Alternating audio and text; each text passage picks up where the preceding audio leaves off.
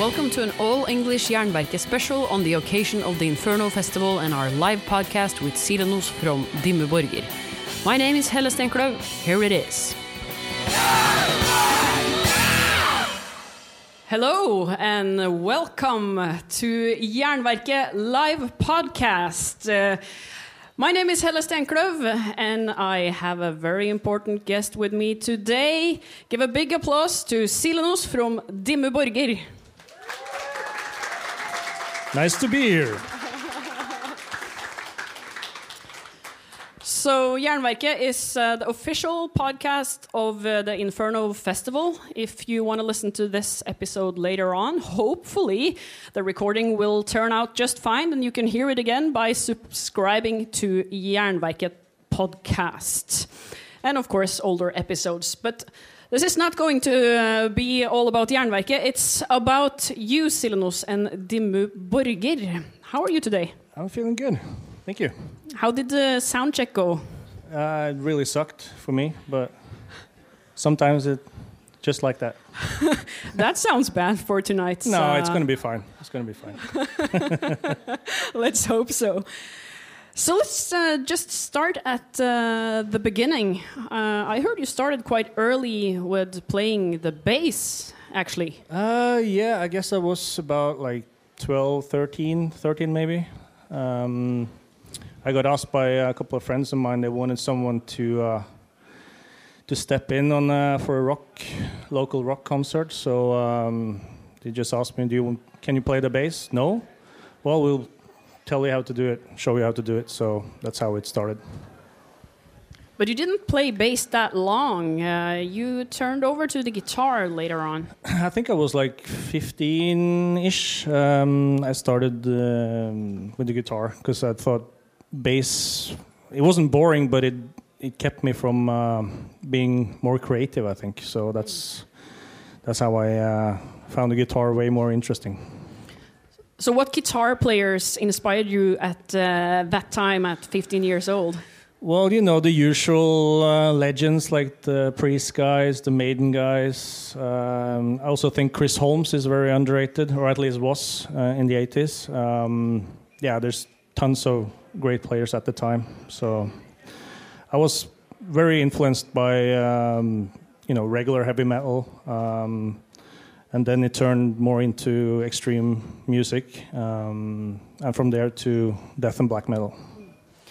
When did you take the um, extreme turn? When did you start being interested in uh, extreme metal? Well, I think it was when I first heard uh, Leprosy with Death. Um, I ordered that on a cassette tape back in '88, uh, and uh, at first I didn't like it because I thought it was, you know, I felt it was too extreme. Um, but the more and more I got into it, it was it was just a new world opening up, you know. So from there on, then never looked back since. and you just decided to start your own band uh, too, eventually.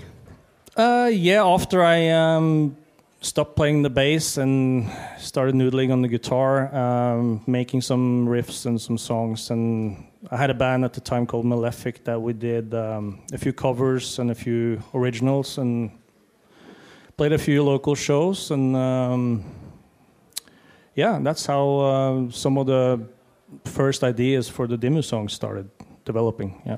Oh, already? Did you use any of those ideas? And uh... yeah, quite a few actually on the first album, um, but they turned more into proper songs, if you want to call it like that. So, yeah. the definition of a proper song, who knows? But uh, 26 years ago, uh, you actually created a piece of Norwegian history because uh, Dimmu was formed.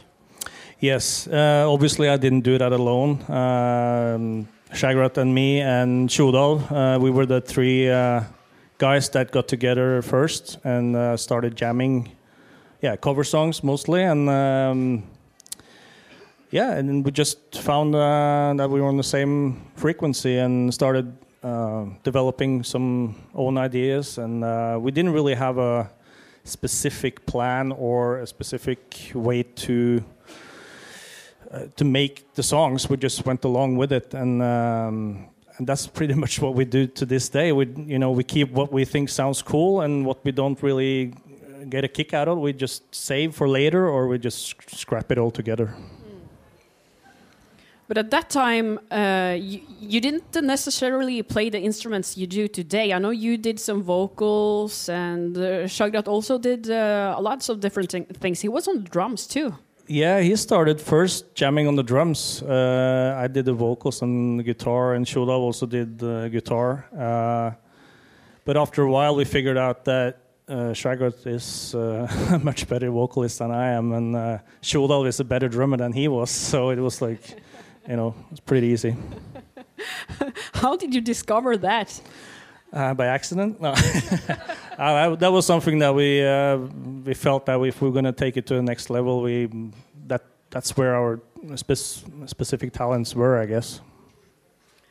But tell us about uh, your first um, uh, albums, like the the the first EP uh, and then the Stormblåst of '96. Well, the first EP that was basically uh, part of what were supposed to be uh, a demo recording, uh, which we sent out to a few uh, small labels. We were tape trading a lot uh, back in those days, and um, yeah, this um, Dutch company wanted to release a seven-inch, and that's how the first thing got together, really. Um, and we had recorded uh, some more songs for that session, and uh, we were gonna shop that around as a demo kind of thing. But then a German label wanted to release it as an album, uh, so we went back into the studio and recorded a few more songs uh, with a different technician, and that's that's how that's why For all tid is sounding so different from. Uh, yeah, it's recorded in two parts, so. Mm. And at this time, you also made your own merch, flyers. The record company wasn't all about just throwing out the Dimmu merch out there. You had to do that yourself. Yeah, we had to do it ourselves. We were our own merch company and record company, basically, uh, promoting everything ourselves. Uh, printed tons and tons of flyers. Spent all our money on on the band. Um, yeah, it was everything. Did you already then have a feeling that Dimmu Borgir would work out? Because you've never had a plan B. No, and I think that's partly, or probably the major reason why we're still here. That we don't have a plan B. Because if you have, if you have a plan B somewhere in the in your subconscious, it's gonna tell you that okay, if it doesn't work out, you can lean on this, you know. But we never did that. So I think that's why we. Uh, yeah, there's no choice. We we're doing our thing and um, and still do. So I think that's our most valuable asset. And in uh, 97, it really started looking good for uh, Dimmu. You came with the Enthrone Darkness uh, Triumphant album, and you got signed to a larger record company, and people were starting to discover Dimmu. Can you tell us a little bit about this? Yeah, I guess we um, sold out, right? You're not true. Um, no, we got. Uh, actually, before that, we got um, contacted by Nuclear Blast because of the Devil's Path mini uh, CD. Uh, Marcus, the owner, he really loved that, and uh, so we got um, basically signed on the on the basis of the Devil's Path mini CD. Um, and uh, yeah, things were um, changing a lot at the time. We, we still made the songs the way we did on the first albums, and uh, but we went to uh, Peter Tägtgren's Abyss Studios in Sweden, and um, when we got to his studio, he was really kind of reluctant at first, actually, because he had heard the Stormblåst album and he didn't like it. He hated the sound. He hated pretty much everything about it, and he told us to our face, you know, like, yeah, I don't think it sounds cool. But once we started uh, recording the the songs from the Enthroned album, then he got a different view on it, you know, and um, and it was, as far as I remember, really uh, an easy recording to do because everything was flowing really naturally, and uh, of course a lot of experimenting because it was a proper studio for us for the first time, I would say, and. Um, and a producer that was into metal and extreme metal and had that background. So that was extremely helpful as well. So finally, Tägtgren was okay what, uh, with what you did. Yeah, uh, we went back there and did a mini CD, Godless Savage Garden, the next uh, summer, and we also recorded uh, Spiritual Black Dimensions with Peter. And um, so we have, we were on the same wavelength, I would say, and. So yeah, it's um, we made some really great records. I think. And I still think they stand the test of time. Of course, when you look back at it, you can always say that, "Oh, you could have done this and that or whatever." But you know, it's done. So uh, if you dwell too long on it, then yeah. But did you at all reflect at that time uh, about how the crowd would like like uh, the use of clean vocals, more uh, symphonic elements, or did you just jump into it? Uh, actually, we we don't really think like that.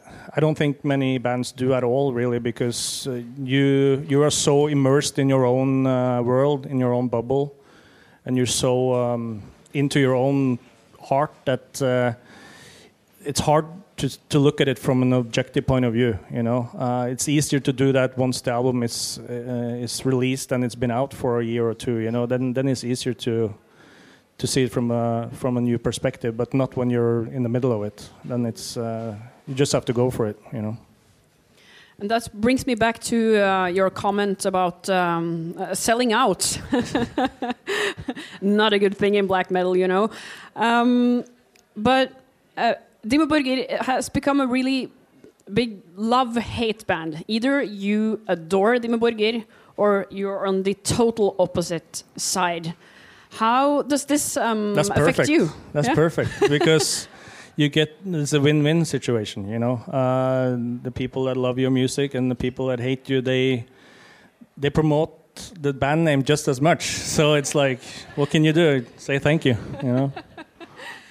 But what is uh, your opinion in what, uh, like, what is true black metal to you?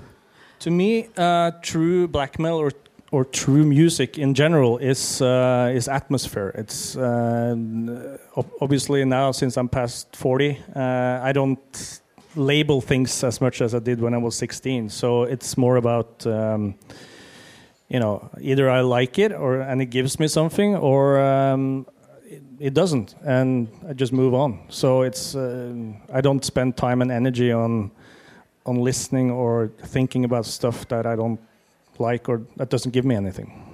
But why do you think other people do this? Why is it so important to, to be in charge of, of uh, what's real or not for some of the fans? Like you know what? That's the best question I've ever got. Honestly. I wish I knew the answer. Yeah, that's that's a really good question. Yeah. yeah, just the, thing about being angry. You know what? I, I had I had a theory that it could be something like um, you know football players changing team, and you are really close to your favorite team, and then suddenly the the football player that changes to the different team, he's suddenly a Judas, you know, because he's not yours anymore, and you're attached to something. That's I think that's where it, the most of it is. Yeah. But maybe it's uh, uh, something that's connected to uh, age too and to maturing because I'm not so sure about that. I can only speak for myself. Right, But uh, yeah. I remember the first time uh, I met you guys. That was uh, in 2003 with um, uh, the death cult Armageddon and the signing session. And I was really eager to see how cool and true Dimmu Borgir were. And um, I was sitting there in the line and waiting for my signature. And I saw you guys in like normal clothing, and you were kidding around and having fun and making jokes about stealing the cash register at uh, Rockin'. Uh, and I was like, not good for business. Not good for the image. and I was like, what? These guys are like, funny and having a good time. Th- This doesn't add up with the black metal image at all. But then I grew up. Yeah, we we did too. I think.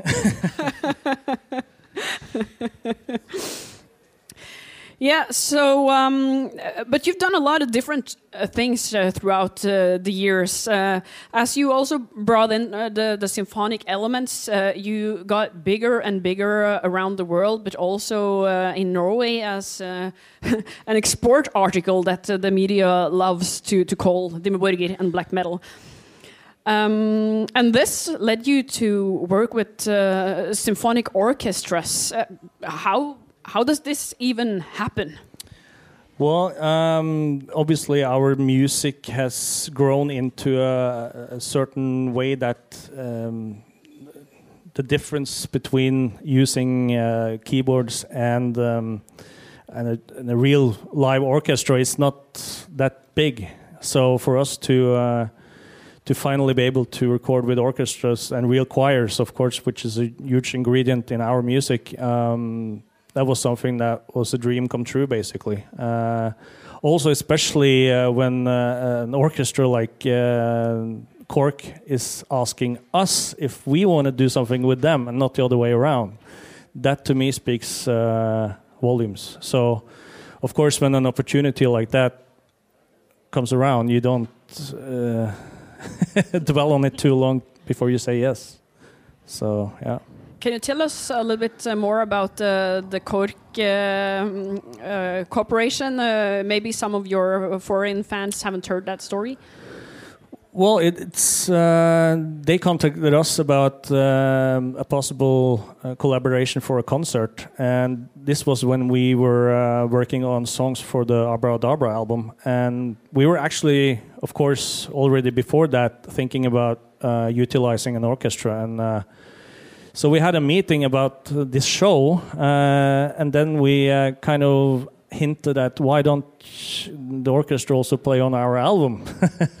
so we do two and two, um, and that's that's how it all came together. Um, and it's probably one of the most professional stuff, professional things that we've ever done.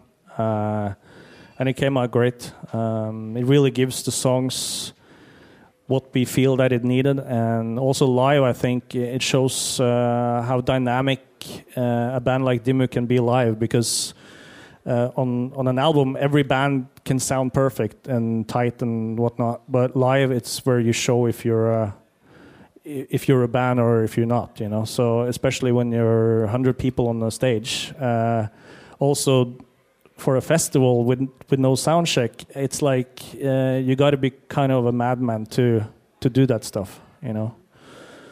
But um, so far, so good. well, your uh, show with uh, KORK, that's the Norwegian Broadcasting Company's orchestra, uh, and the choir was shown at the Oslo Spectrum, uh, a big uh, concert stage here in um, in Norway, and that was broadcast on Norwegian television. That's yeah. quite crazy. Yeah, uh, it's like uh, we really got our uh, uh money's worth. you, you might want to explain that, but no, it's um, it was definitely uh, one of the bigger highlights or uh, musical career, and and I think also um, judging by the orchestra. Um, uh, musicians and the choir and everybody involved, they also really uh, enjoyed it a lot. You know, uh, it's something different for for them to do, uh, and it's challenging for both bands and uh, and orchestra. So yeah. And that actually led to some reactions from the Christian community too, and that's it's kind of weird because we haven't heard much from them lately. It's it's small. The Norwegian Christian community is small, and they rarely shout out in the media about anything because there's so few of them. But this was satanic. Yeah, uh, but we sold out way before then. no, it's. Uh, I think it's important that um, music, uh, honest music, uh, obviously gives uh, makes people. Um, yeah, it, it, it can provoke people, you know, and that's that's totally fine. I think music should provoke uh, because it, it gives you you have to take a stand basically. So, and um, why not us? You know. But that maybe might work in several other parts of the world uh, today. But what do you do in Norway now to provoke at all? Uh, sell out. That's the answer to everything. but let's uh, talk about uh, your newest album, The Eonian, that came um, last year. Yeah, almost a year ago. Yeah, and you you had a long not break as a band, but it was almost eight years since your last album. Before that.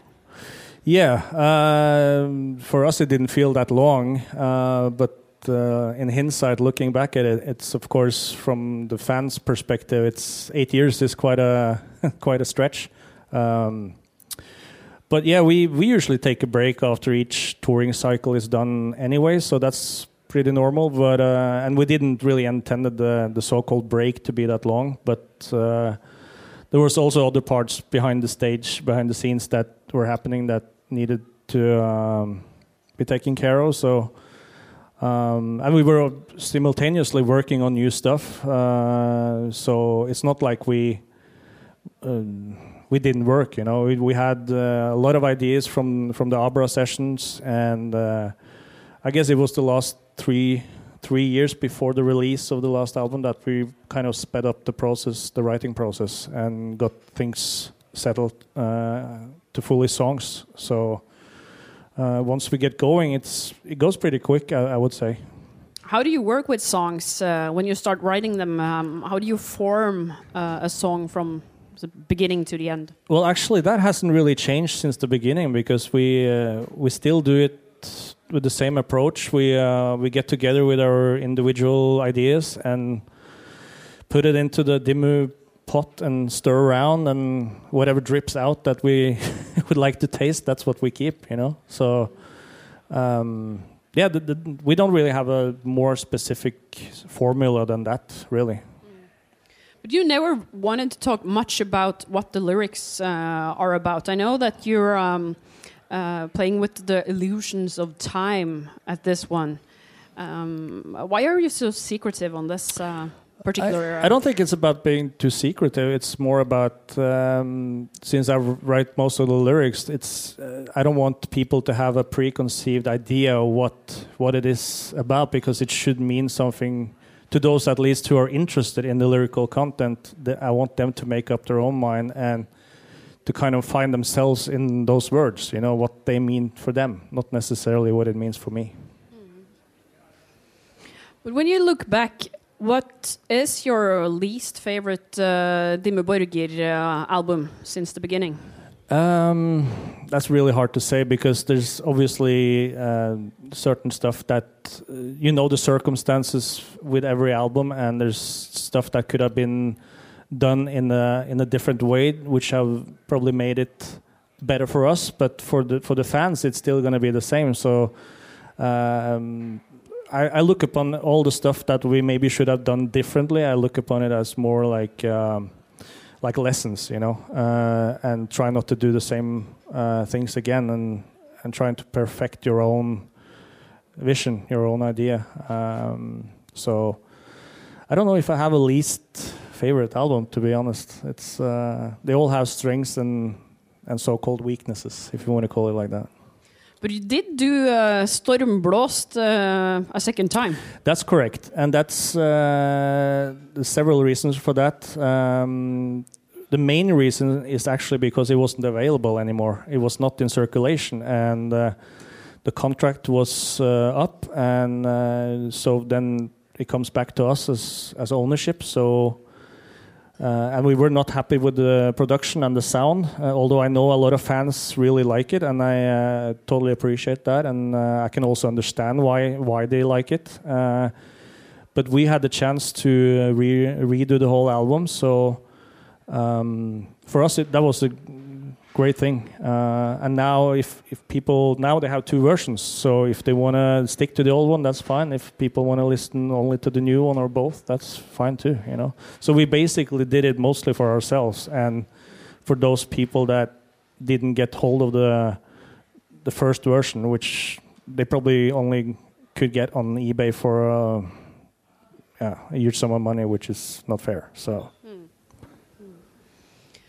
But being as big as uh, Dimmu Borgir also means that you get a, a lot of media attention, and uh, not just the parts that are good and bad for selling albums, like the hate and the love, but also that um, quarrels might be taken out in public, like when uh, Vortex and uh, Mustis uh, were, I don't know, went out from the band. Uh, how does this affect you that everything is happening in the public? Well, obviously, you, you kind of want to avoid it to become public, but uh, that's kind of impossible. So you kind of want to try and tone it down and not make a huge fuss about it. Obviously, uh, changing personnel in a band is not something that we we want to do. It's but sometimes it's just necessary because it's either you come to a conclusion it's either that or uh, or the band won't be able to move forward. So it's not only about taking the easy decisions; it's also about taking the the really difficult decisions. Mm. But you've been there since the beginning, so I guess you've done something right. Uh, something right, something wrong, but mostly things right. I think. and after all these years as a, as a touring band, uh, and um, you must have some uh, good stories to share with the fans. Either they are fun ones, embarrassing ones, crazy ones. Could you give us uh, one in the, um, I don't know, the, the Spinal Tap landscape? Oh, there's tons of those. Uh, but they're kind of boring. Uh, my favorite one is probably still the one uh, uh, when we did the Ozzfest tour in 2004. Uh, we did a live interview on on a Cleveland radio, and uh, and the guy who was interviewing us, he really wanted us to talk shit about uh, Rob Halford because he was gay. and we were sitting there, and we started cursing and defending Rob, obviously. Uh, so he didn't get what he want, and uh, so he threw us off the air uh, live. Uh, and then three days later, um, we come off the stage. I think I can't remember where it was, but we came off the stage, and there was like in our dressing room there was like ten crates of imported uh, English lager and it was a, a yellow post-it note where uh, post-it note where it said, uh, "Thanks for defending the metal god, Rob." So apparently wow. he had uh, heard about uh, this radio funnel and uh, thought it was cool. So yeah. I don't think we need any more stories than that one. But you've also done some uh, some uh, fun things uh, on the side of uh, Dimmu Borgir. You even lent your voice to a cartoon.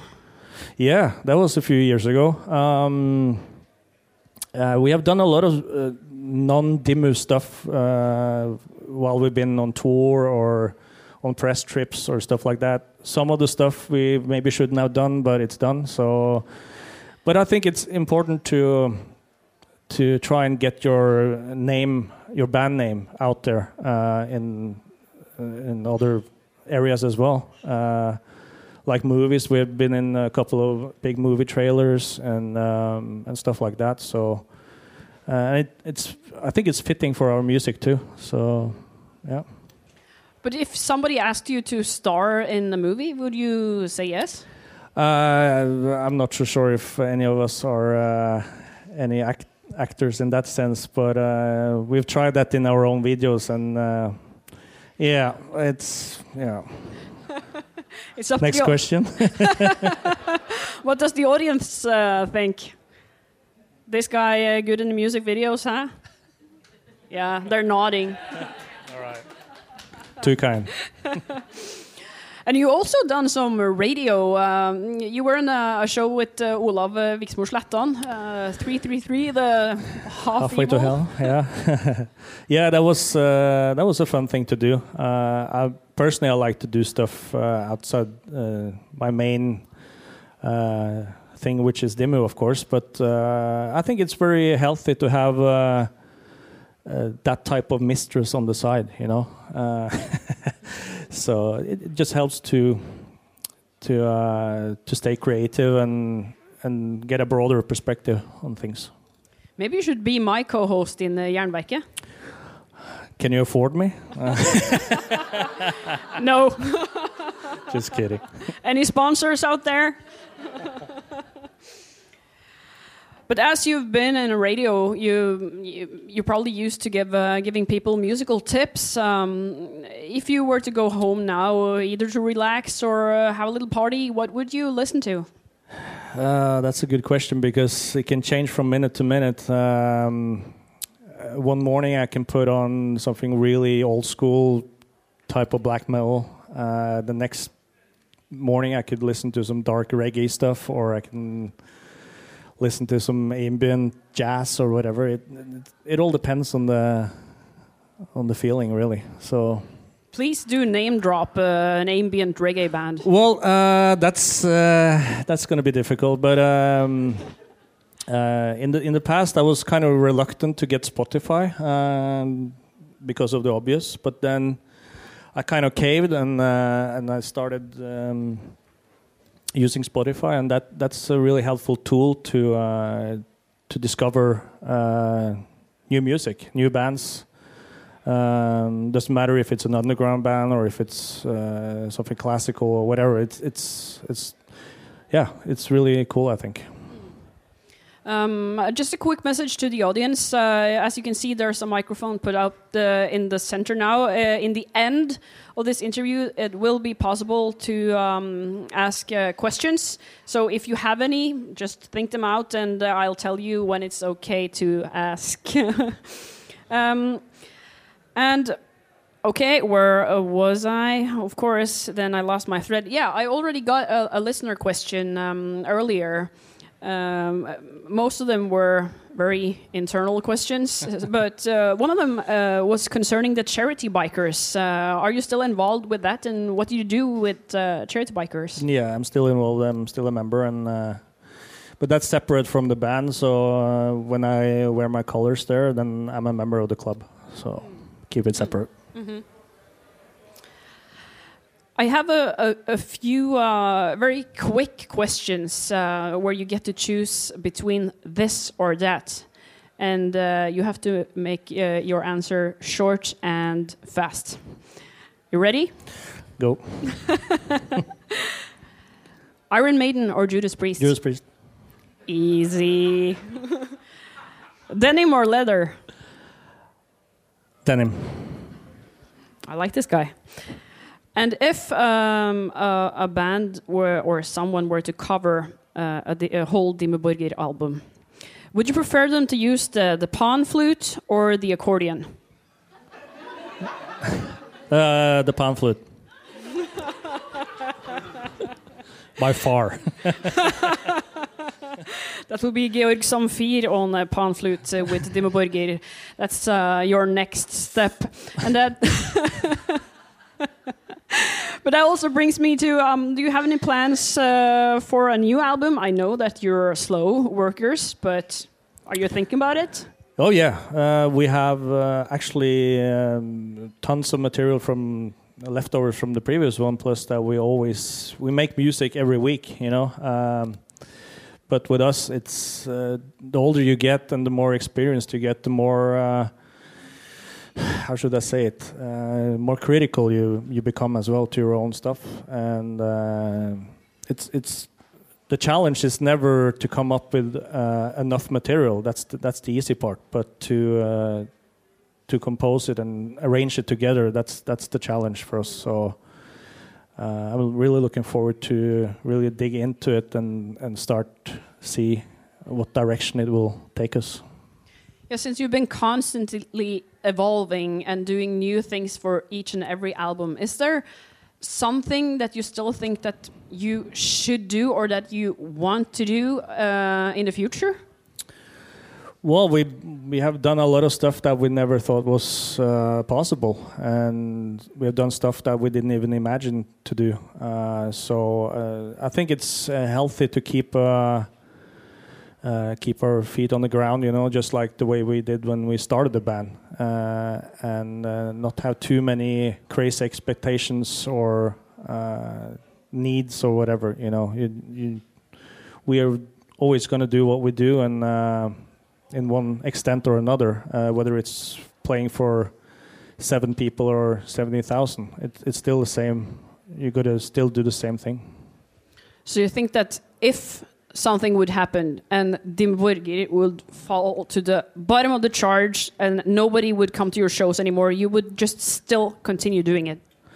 Yeah, I think so because it, for us, we never make music with that in mind. We make music uh, that gives us something, uh, and if we're not happy with it, then then we know that a lot of other people are not going to be happy with it either. So it's uh, once we are done in the studio with a new album, then we are happy. We can stand behind uh, the product 110 percent, and by knowing that, we know that uh, a lot of people is going to really love it, and a lot of people is going to really hate it. So it's it's a perfect uh, mix.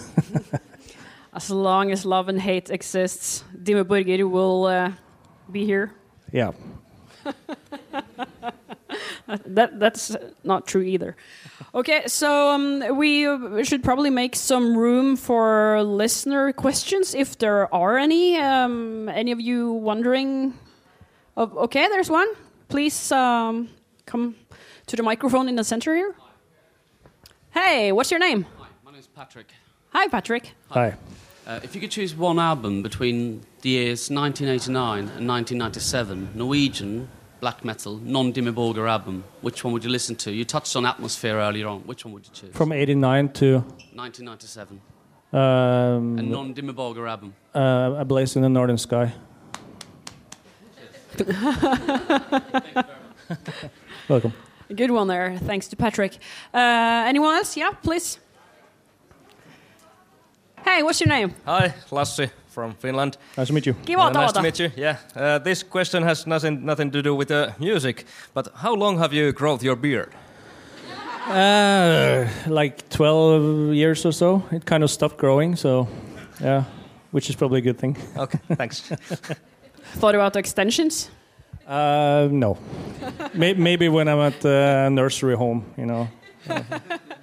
Yeah, there's a gentleman uh, in the back there. Hey, Hi. how are you? Um, I'm Nick from Tehran, Iran, and I wanted to ask you that. Do you guys know that how big you are in Iran? No. But yes, you are. Yeah? Actually, the black metal is very big over there. So I just wanted to ask you if you know. All right. What was the question? The, does he know that how much black metal is big in Iran, especially? Iran. Yeah. Iran, yeah.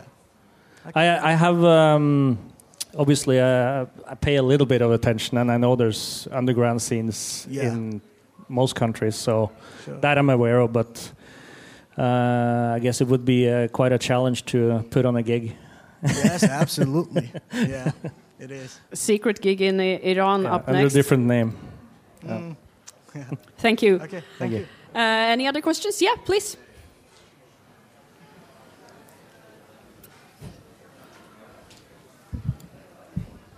Hi, what's your name? So hi, my name is uh, Severin, but just call me Sam. You, you could just turn it uh, turn it down. Oh, yeah, yeah, sorry, yeah, yeah. no problem. I'm so. Yeah, you know, that's yeah. good. yes. So hi.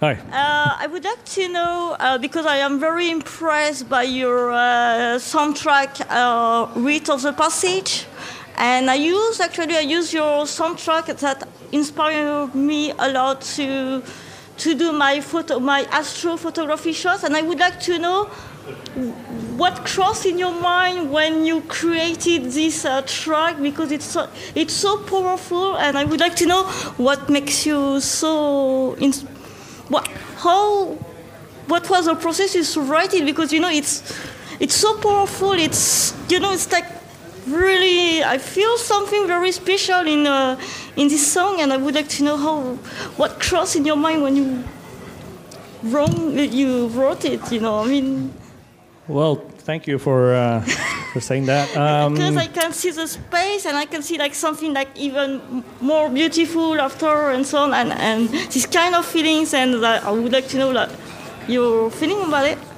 Yeah, I mean, uh, I think that uh, that track was basically meant to be written as a as an ending thing for the new album, like uh, kind of like a story ends, uh, and um, we have had uh, songs like that on the previous albums as well. So we kind of want to uh, do that tradition, Yeah. continue that tradition. Um, so that's the good thing about uh, music that it means something like that for you, while another song for someone else means something different, and that Uh huh. should yeah. No, that's that's a Like really Milky nice Way, description. you know, the Milky Way and so on. So that's, you know, it's kind of a very special song for me. That's right, cool. beautiful. Nice.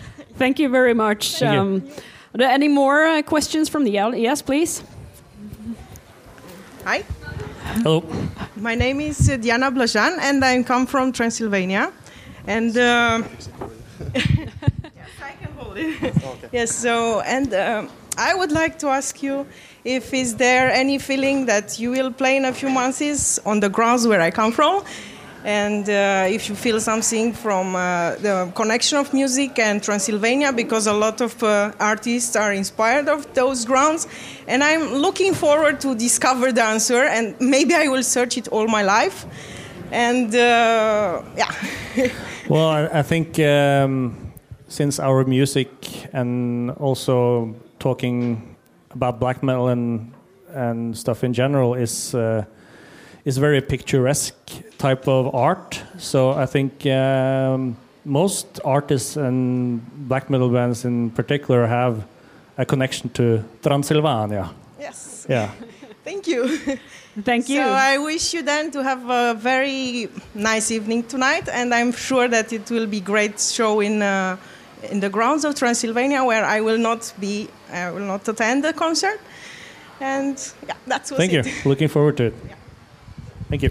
So, are there any more questions from the audience? No? So, thank you very much, to those of you that. Oh, there's one. okay, please uh, come to the microphone. Yeah. Okay, then um, you. He, he- yeah, there's the microphone for you. I'm from Ukraine, and oh, wow. Yeah, that's Spinal Tap. that's will be much more easier.